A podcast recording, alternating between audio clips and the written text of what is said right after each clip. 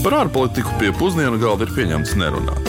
Ja vien tās nav diplomātiskās pusdienas. Labdien! Kā jau ierasts otrdienās dienas vidū, diplomātiskās pusdienas. Šoreiz jau piekto reizi. Studijā esmu es, žurnālists Uģis Lībietis un um, mans kolēģis Latvijas ārpolitikas institūta direktora vietnieks Kārlis Bukovskis šoreiz nav studijā. Sveiks, Kārli! Sveiks, Uģi! Nu jā, šodien mums raidījumam būs viena papildus izmaiņa, ja, jo nu, mūsu sarunai būs jānotiek attālināt vienam no otra, kā tu jau šo te redzi, nu, respektīvi pusdienos, un katrs, katrs savā vietā, es no mājām, tu no studijas. Un uh, sazināsimies, izmantojot jau gandrīz, uh, lai cik tas nebūtu paradoxāli, tā aizdomājoties, bet 150 gadus vecu tehnoloģiju. Proti, Aleksandrs Bēls 1876. gadā jau patentēja to lietu, ko mēs šobrīd izmantojam, un kas ir vienkārši elementārs telefons. Jā, nevarētu teikt, ka mēs esam paši izolējušies, bet uh, ievērojam šādus piesardzības noteikumus un arī cenšamies samazināt nevajadzīgu pārvietošanos. Mēs cenšamies izturēties atbildīgi un aicinām darīt arī to jūs. Un uh, tagad uh, par šīs dienas raidījumu. Pasaulē ir aptuveni 200 valstu, un mūsu programmā noteikti būs arī tādas valstis, par kurām mēs runāsim vairāk kārt. Iespējams, ka viena no tām būs arī Krievija. Valsts, uh, ar kuru laikam nevienu nevajag iepazīstināt. Nu jā, nu, Krievija, Krievija Latvijas mediju telpā un dienas kārtībā ir pastāvīgi. Nu, Krievija ir arī mūsu izklaides un kultūras telpā. Un, Lielā mērā jau par Krieviju Latvijā iedzīvotāji zina daudz, un laikam jāsaka pat gandrīz visu. Nu, tādēļ laikam mums ir šodien jāiziet uz kādu konkrētāku jautājumu, ko mēs apskatām, un uh, iziesim uz to, ka tā ir Krievijas federācijas konstitūcijas grozīšana un kā tas ietekmēs valsts nākotni. Tad, vai jaunā konstitūcija būs reāli tiešām jauns sākums uh, valstī. Un tātad mūsu sarunu par Krieviju mēs sāksim ar ielu intervijām, proti, interesējāmies ielās sastaptiem cilvēkiem, ko viņi domā par nepieciešamību veikt Krievijas konstitūcijā izmaiņas, un arī sākām, ka šīs intervijas gan tika veiktas vēl pirms pretvīrusu darbību uzsākšanas valsts mērogā. Paklausīsimies! Dzirdēts ir. Nu, tas tikai droši vien, kad kaut kāda carisma, kas saka, turpinājums varētu būt. Nu, protams, jau tā, jaunā veidolā, bet nu, tāda monarhijas turpinājums tā varētu būt. Ai, nē, nē, nē. Es domāju, ka tas ir um, diezgan absurdi, lai tur mēģina darīt. Bet uh, nu, Krievija ir Krievija. Tur jau ir uh, monarhija, tur ir diktators jau Putins paliek. Skaidrs, ka vismaz Latvijas iedzīvotāji īsti neredz konstitūcijas grozījumiem citu mērķi kā tikai Vladimira Putina palikšanu pie varas. Bet, protams, mums interesē arī tas, ko par to domā arī politikas vērotāji un analizētāji, un tāpēc mēs lūdzām savu viedokli paust Latvijas ārpolitikas institūta direktoram un Rīgas Stradiņu universitātes profesoram dr. Andrim Sprūdam. Lūk, kā viņš skaidro Vladimira Putina paša loģiku palikšanai pie varas pārmaiņas konstitūcijā, un arī tas viss process steigā un uh, visai gaidīti, negaidīti, kā tas ir noticis. Par ko tas vispār liecina? Nu, labi, mēs varam minēt tikai potenciālos, varbūt, mērķus, bet ko tas liecina par Krieviju un par tās sistēmu kā tādu? Nu, tas liecina, ka tā ir Putina, Krievija un Putina sistēma bez kuras, teiksim, iedomāties grūti šobrīd ir Krievija, un savukārt šo sistēmu grūti iedomāties bez Putina. Un līdz ar to šķiet, ka pašam Putinam šķiet, ka grūti iedomāties arī viņa paša sistēmu bez viņa. Un kā viņš jau saka, ka kara laikā ģenerāļus vai vadītājus vai vadoņus nemaina. Un tāds Franklina Delano Roosevelt piemērs vai vienalga jeb, jebkura cita teiksim, tā kara vadoņa piemērs, nu, tad ir jāturās, lai tā stabilitāte būtu. Bet, protams, ka otrs, otra loģika ir tā, ka Krievijā ir šis tektokavo princips, nu, laikam, ka var atdot miermīlīgi, nu, tas ir diezgan riskanti pēc definīcijas.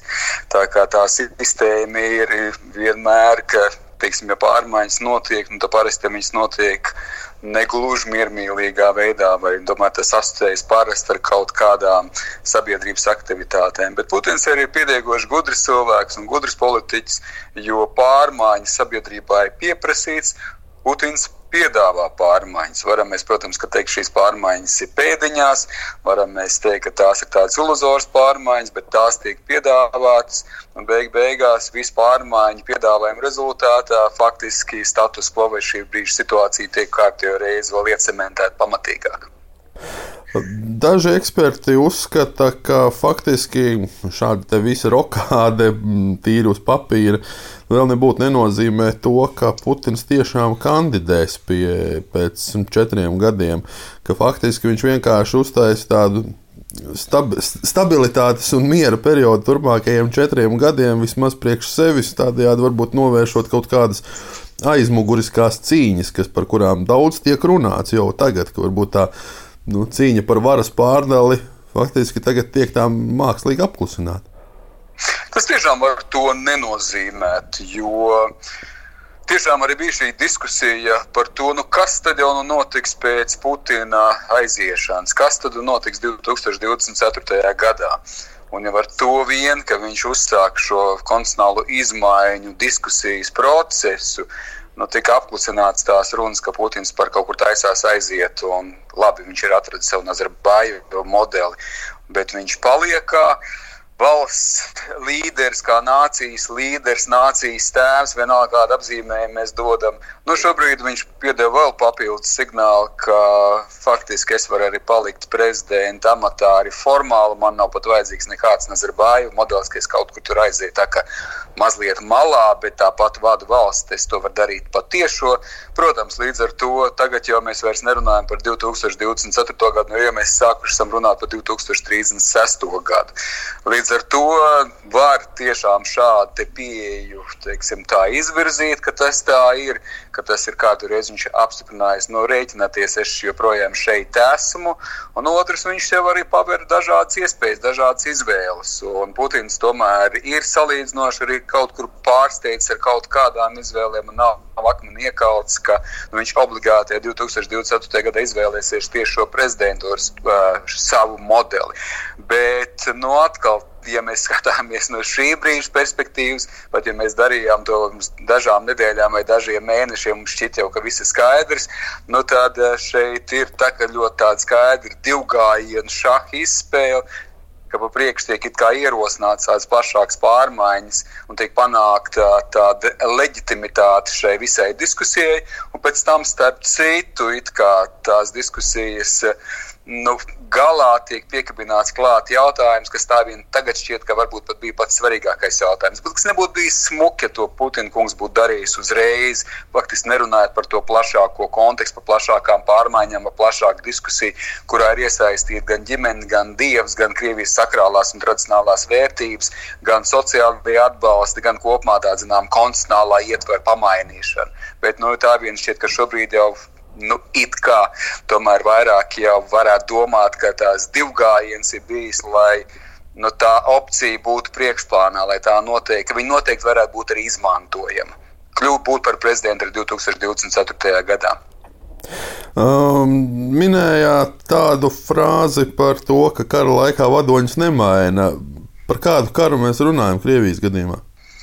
Nu, tur kāds var, es negribēju teikt, tā izdomāt, eh, bet var piesaukt daudzus un uh, dažādus. Un, protams, kā tikko kā pat tika piesaukts arī koronavīrus, un var runāt, ka arī naftas cenas, pat ja tās ir daļai izraisītas, pašas Krievijas izraisītas, tomēr nu, šķiet, ka tagad tas izaicinājums ekonomiskais, jo Putins nodrošinājis autoritāru, bet tomēr labklājību.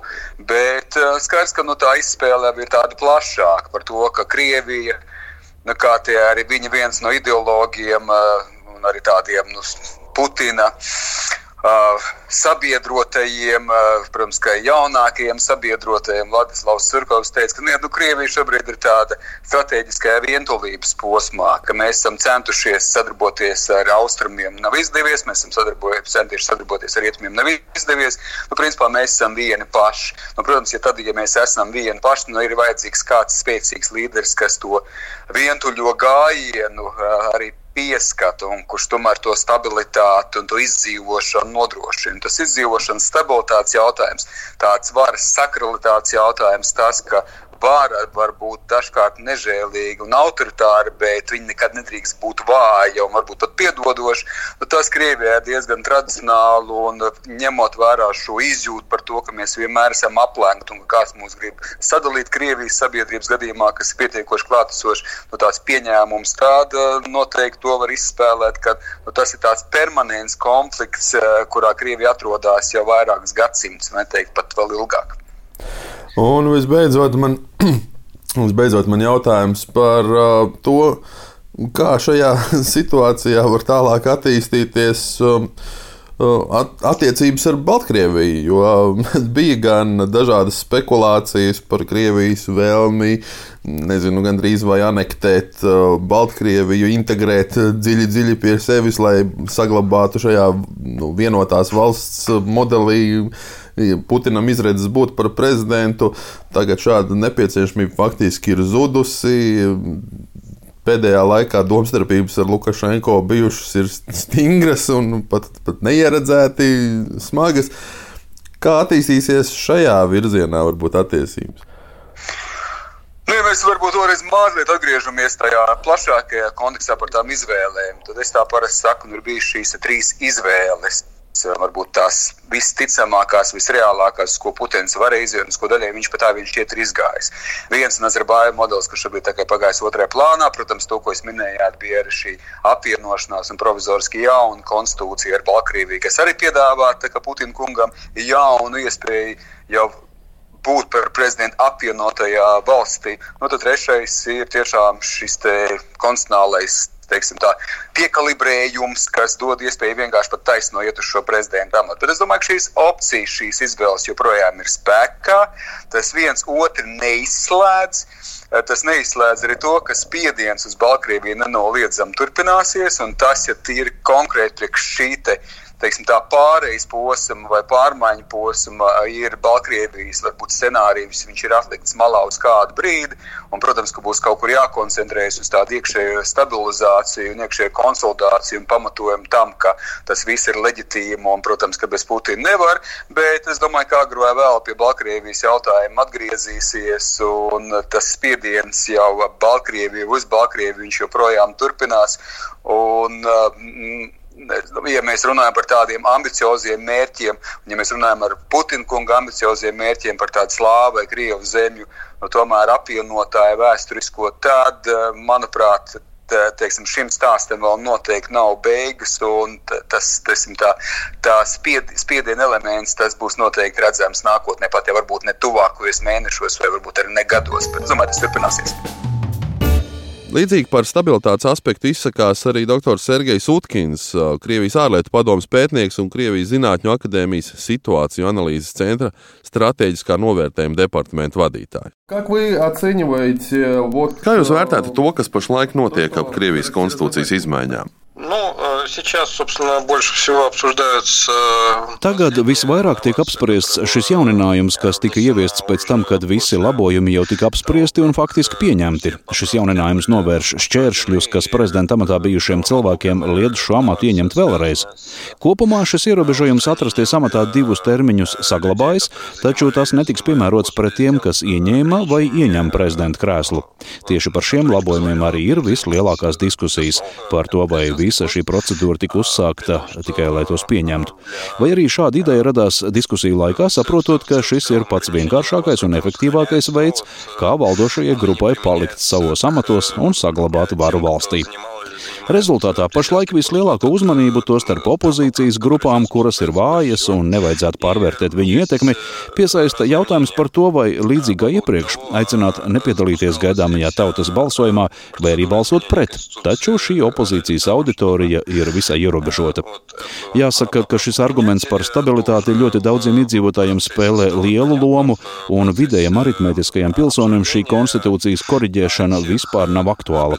Savukārt gaidāmais balsojums faktiski kļūst par tādu kā uzticības reitingu Putinam. Līdz ar to faktiski nākamajā posmā pēc balsojuma, kura opozīcijai visticamāk neizdosies mobilizēt pietiekami daudz atbalstītāju, šajā nākamajā posmā vismaz dažus gadus prezidentam Putinam ir absolūta rīcības brīvība. Tas nozīmē, ka viņam ir iespēja pašam izlemt, ko viņš darīs. Vai viņš kandidēs vēlreiz, vai viņš izvirzīs kādu savu pēcteci, vai viņš ieņems kādus citus amatus, ja neizlems izvirzīt savu kandidatūru. Bet iespēja kandidēt viņam būs, un tas nozīmēs, ka viņš līdz šī prezidenta pilnvaru termiņa beigām atradīsies pozīcijā, kas viņam ļaus saknē likvidēt jebkādas elites grupu sarunas par to, kāds būs lietu sadalījums vēlāk un kas varētu stāties viņa vietā.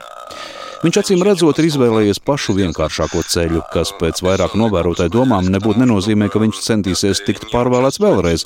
Viņš vienkārši grib sev šādu iespēju saglabāt, jo ne viņš, ne kāds cits vienkārši nezina, kāda būs situācija valstī 2024. gadā, kāda būs viņa paša veselība pat šī gada beigās. Līdz ar to jautājums, kas pēdējā laikā satrauca Krievijas politisko klasi, proti jautājums par nākamo valsts politiskās attīstības fāzi, tiek vai nu noņemts no dienas kārtības, vai arī aizbīdīts tālu otrajā plānā. Либо снимается, либо отходит далеко на задний план. Если мы говорим, вот сейчас упомянули то, что вот буду перейти... Putins ir teicis, ka piekrīstu atkārtot kļūt par prezidentu, ja šādu pārvēlēšanu atbalstīs konstitucionālā tiesa. Jautājums ir, kāda vispār ir konstitucionālās tiesas loma? Un daži komentētāji jau saka, ka šī tiesa faktiski neko neizlemj. Ну, действительно, большинство наблюдателей склоняются к тому, что в существующих условиях суд не играет. Jā, patiešām, vairums novērotājus liecas domāt, ka pašreizējos apstākļos tiesa nespēlē un visticamāk arī nespēlēs neatkarīgu lomu. Taču neliela iespēja, varbūt daži procenti, tomēr saglabājas. Daži komentētāji arī pieļauj, ka viens no Putina mērķiem varēja būt tieši caur konstitucionālo tiesu pierādīt, ka šādai schēmai valstī nav jāstrādā, un tiesa spriedīs, ka šādas izmaiņas nav pieļaujamas. Un patiesībā tā arī bija šī pasākuma ideja - aizvērt šo nelielo spraudziņu Krievijas politiskajā praksē, taču tā ir ļoti sarežģīta konstrukcija, un visticamāk tā ir izdomājums. Daudz ticamāks ir tas, ka tiesa secinās, ja parlaments konstitūcijas labojuma pieņemšanas procedūru procedūras laikā ir apstiprinājis lēmumu par viena vai otra labojuma iekļaušanu konstitūcijā, tad parlamentam tādas tiesības ir bijušas. Šeit varētu būt jautājums par to, kādu lēmumu varētu pieņemt tiesa, ja labojuma tekstā nebūtu skaidri pateikts, ka parlaments izlēma, ka bijušajiem un esošajiem valsts vadītājiem šādas tiesības ir.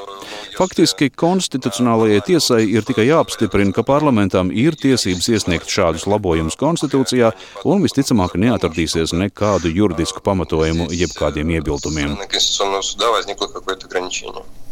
Do этого был вариант, ну... Pirms kāda laika diezgan aktīvi tika apspriesta iespēja, ka viens no veidiem, kā Putinam saglabāt savu amatu, būtu padziļināta integrācija ar Baltkrieviju. Vairāk man pazīstami Baltkrievu komentētāji, kas agrāk runāja par Baltkrievijas anšlusu, tagad saka, ka tas arī tiek uz laiku atlikts. Kā jūs domājat, kā viss pašlaik notiekošais iespaidos Krievijas attiecības ar Baltkrieviju? Ну, мне вот эти разговоры о Visas šīs sarunas par kaut kādu pilnvērtīgu apvienošanos ar Baltkrieviju man nekad nav likušās īpaši reālas, jo jebkura valsts ciena savu suverenitāti, un tas attiecas arī uz Baltkrieviem. Šeit var runāt par problēmu pārvarēšanu integrācijā starp Krieviju un Baltkrieviju. Ir virkne jautājumu, kuriem ir nepieciešams noregulējums, nepieciešamas sarunas. Patiesībā šīs sarunas jau notiek, bet runāt par to, ka Baltkrievija vienkārši kļūs par daļu no Krievijas, vai arī kopīgi izveidos īstu vienotu valsti, nevis Savienības valsti, kāda mums ir pašlaik, man tas liekas nereāli. Tāpēc, manuprāt, šeit bija vairāk sarunu nekā reāla satura.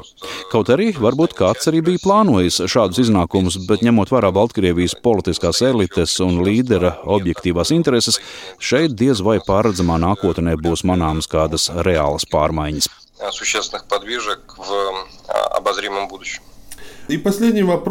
Un pēdējais jautājums. Atgriežoties pie mūsu sarunas sākuma, vai tas, kas pašlaik notiek Krievijā, kaut kādā veidā ietekmēs demokrātiskos procesus Krievijas federācijā? Kā tas var ietekmēt vienkāršos Krievijas iedzīvotājus? Ну, я, я, я думаю, что вот если мы говорим вообще о простом человеке, то он не так много думает о политике, как мы иногда э, предполагаем. Es domāju, ka, ja mēs domājam par vienkāršo Krievijas iedzīvotāju, tad viņš nemaz tik daudz nedomā par politiku, kā mums šķiet. Un visticamāk, viņš nejūt, ka jautājums par Putinu kā prezidentu kaut kā var ietekmēt viņa dzīvi. Ja neskaita to, ka Putins tiek uztverts kā stabilitātes garants. Proti, Putins novērš haosu un novērš kaut kādas jaunas revolūcijas.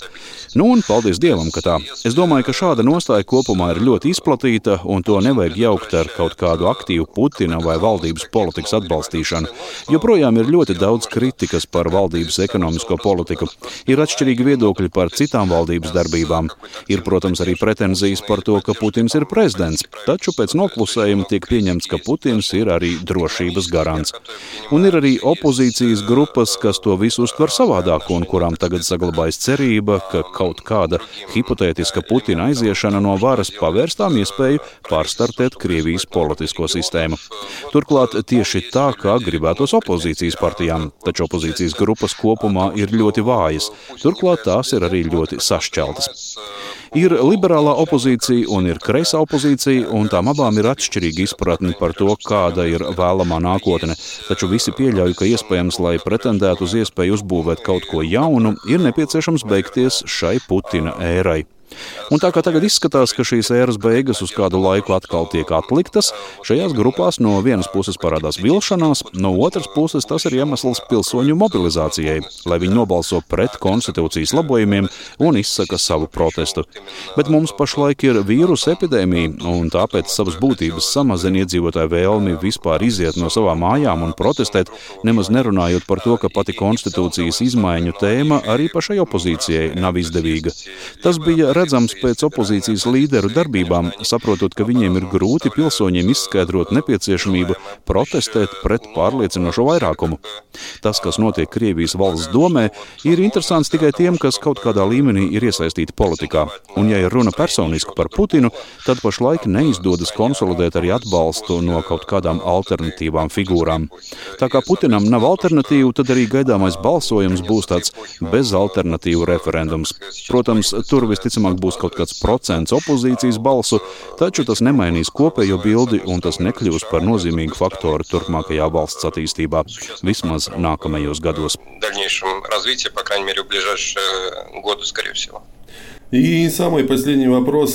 Un visbeidzot, bija paredzēts, ka Putins šīs izmaiņas konstitūcijā varētu parakstīt 18. martā, kas ir Krimas atkal apvienošanās ar Krievijas dienu.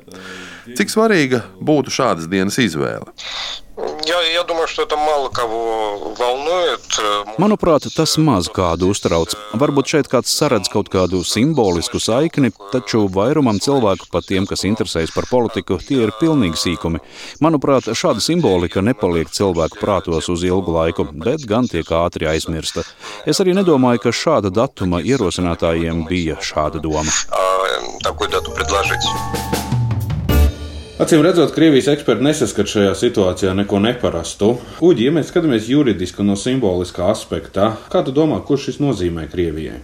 Grozījumi Krievijas konstitūcijā paredz dažādas garantijas. Pieņemsim, garantijas uz pensiju un minimālu algu.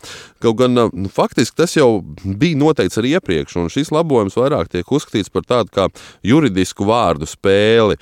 Jaunie grozījumi piešķir arī parlamentam tiesības izvirzīt premjera kandidatūru. Grozījumi arī piešķirt prezidentam papildu pilnvaras, piemēram, atlaist augstākās tiesas tiesnešus un noraidīt parlamenta pieņemtos likumprojektus. Nu, vēl ir arī tādi labojumi par, piemēram, par atsauci uz dievu un par tikai par heteroseksuālu laulību legalizāciju un vēl vairāk. Likumprojektu par grozījumiem Vladimirs Putins inicēja vienu pirms dažiem mēnešiem, 15. janvārī, Krievijas federālās sapulces laikā. Un jau divus mēnešus vēlāk, 11. martā, Krievijas parlamenta apakšplāta valsts doma jau trešajā lasījumā apstiprināja šos konstitūcijas grozījumus. Pats Vladimirs Putins pagājušā nedēļas nogalē, 14. martā, parakstīja šos konstitūcijas grozījumus. Un sākotnēji gan bija paredzēts, ka izmaiņas konstitūcijā tiks parakstītas 18. martā, un tas būtu tāds visai zīmīgs datums, Jo Krievijā tā tagad tiek atzīmēta kā uh, Krimas atkal pievienošanas vai atkal apvienošanās ar Krieviju diena. Nu, protams, tas nav atbilstoši starptautiskiem likumiem, bet nu, Krievijas interpretācijā gan. Nu, piemēram, Sergejs Utkins gan uzskatīja, ka šādai datuma izvēlei nu, absolūti nav nekādas ietekmes.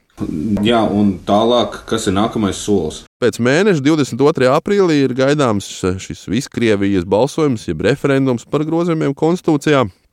Un iedzīvotājiem būs jāapstiprina visa konstitūcija kopumā. Un, un, un faktiski jau tagad arī nav šaubu par to, ka šādas pārmaiņas konstitūcijā tiks apstiprinātas, jo dažādas aptaujas ir veiktas pirms tam, un, pieņemsim, Levada centra aptaujas liecina, ka vēlēt gatavojas iet aptuveni 40% no iedzīvotājiem. Un um, par pārmaiņām ir gatava balsot viena aptuveni ceturtā daļa no vēlētājiem. Kaut gan pusi no viņiem pat nesaprot, kas tad īsti tiek mainīts. Bet, jā, runājot par zīmīgajiem datumiem, 22. aprīlis, kad notiks šis balsojums, jau Krievijā ir izsludināta, ka tā būs uh, brīvdiena. Un kas notiek 22. aprīlī? 22. aprīlī tiek atzīmēta 150. gada diena kopš Vladimira Leņķina dzimšanas. Nu, tā kā var prognozēt, ka komunisti droši vien vēlēs šajā dienā, jo tie viņiem varētu būt īsti svētki. Ja? Bet, Kārli, kā tev liekas, kādas tad politiskās sekas visam šim pasākumam varētu būt? Nu, šajā gadījumā mēs acīm redzot, varam redzēt to, kāda ir tā politiskā loģika Krievijas varai un ka tā varas konsolidācija ir nenoliedzama un viņa arī acīm redzot turpinās.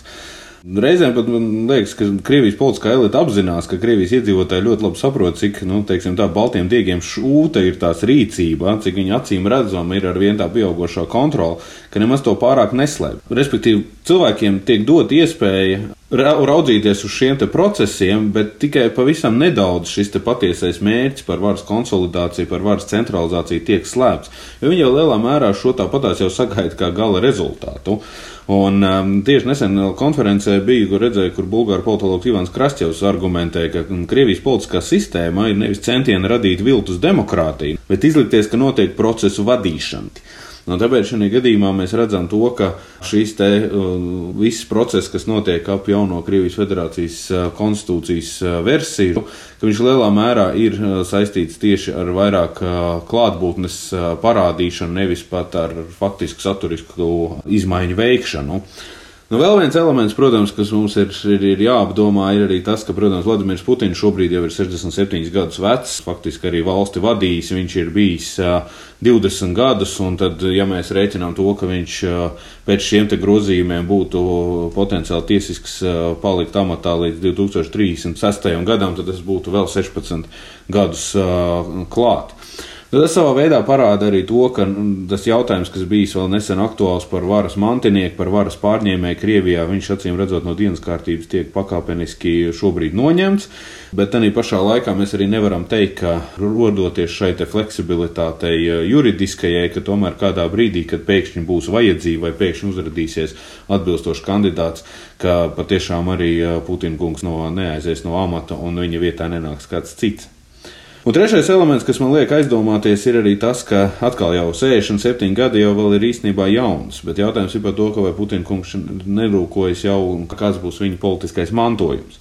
Jo arī šo 20 gadu laikā Krievijas valsts varas atgriešana, varas centralizācija, ģeopolitiskās lomas atgriešana un valsts ekonomikas un nacionāla pašlapnuma atjaunošana, nu, tie principā ir lielā mērā diezgan redzami sasniegumi. Tad ir jautājums, nu, kas tad vēl ir palicis un ko tad vēl vēlas aiz sevis atstāt Vladimirs Putins?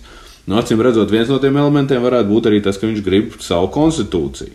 Un, vai šis ir tikai tāpēc, ka viņš ir sagribējis, vai tāpēc, ka šim ir tiešām praktiskā pievienotā vērtība, vai viņš vienkārši grib iet Krievijas vēsturē ar vēl vienu paveikto darbu vai vēl vienu lietu, uz ko varēs atskatīties atpakaļ, nu, tas, protams, ir pavisam cits jautājums. Lai cik būtu paēdis, vienmēr ir vieta arī desertam. Uģi, kas mums šodien desertā? Laikam jau katram savs, ņemot vērā, kur mēs atrodamies, katrs savā pilsētas galā. Man tāds pavisam neliels fakts, ko es gribēju piezīmēt. Vai tu zināji, ka Krievijā juridiski kopš 1959. gada lapsas var būt arī mājdzīvnieki? Nu, to gan es nezināju, bet ņemot vērā, ka daudzās Krievijas saimniecībās laukos ir arī lāči, tad tas mani pat nepārsteidz. Mans deserts būs nedaudz saistīts gan ar politiku, gan ar medicīnu, es gribētu teikt. Proti, Es biju izdomājis, ka varētu meklēt kādu interesantu faktu par pašu Vladimiru Putinu, ja jau mēs tik daudz par viņu šodien runājam. Un, um, šādu faktu tiešām ir daudz, jo nu, ko tik viņš nav darījis. Ar dzērvēm lidojis, Vācijā strādājis, ar tankiem pirmo formu braucis un tā tālāk. Un tā joprojām. Un tad man uzmanību piesaistīja šāds apgalvojums, proti, Britu zinātnieki esot noskaidrojuši, ka regulāra vārda Putins izrunāšana vismaz piecas reizes dienā uz pusi samazina risku saslimt ar sirds un asinsvadu slimībām. Savukārt, ja šīs vārds tiekot izrunāts vismaz astoņas reizes dienā, tad divreiz samazinās arī onkoloģisko slimību iespēju. Nu, jā, nu, protams, ka. Tas neizklausās pareizi. jā, nu, protams, ka šādiem faktiem būtu nepieciešams apstiprinājums, un es sāku meklēt, nu, kas tad ir šāda pētījuma autors. Nu, neatradu. Bet izrādās, ka jēdziens britu zinātnieki Krievijā ir kļuvis par tādu kā interneta memi un gan arī oficiālu terminu. Šāds termins oficiāli tiek uzskatīts par sinonīmu pētniekiem, kuri strādā pie absolūti bezjēdzīgiem, idiotiskiem un nekādu praktisku labumu nenesošiem pseidozinātniskiem pētījumiem. Un iespējams, ka pat tādu pētījumu vispār nav. Nu, tātad, ja kādreiz Krievziņās dzirdat jēdzienu, britu zinātnieki ir atklājuši, tad šādu informāciju lūdzu izvērtējiet kritiski. Un īpaši tas ir aktuāli laikā, kad mums tagad nākas saskarties ar ļoti daudz un dažādu informāciju arī par jauno koronavīrusu. Izvērtējiet kritiski lasīto un, ja iespējams, arī, protams, pārbaudiet šādu informāciju.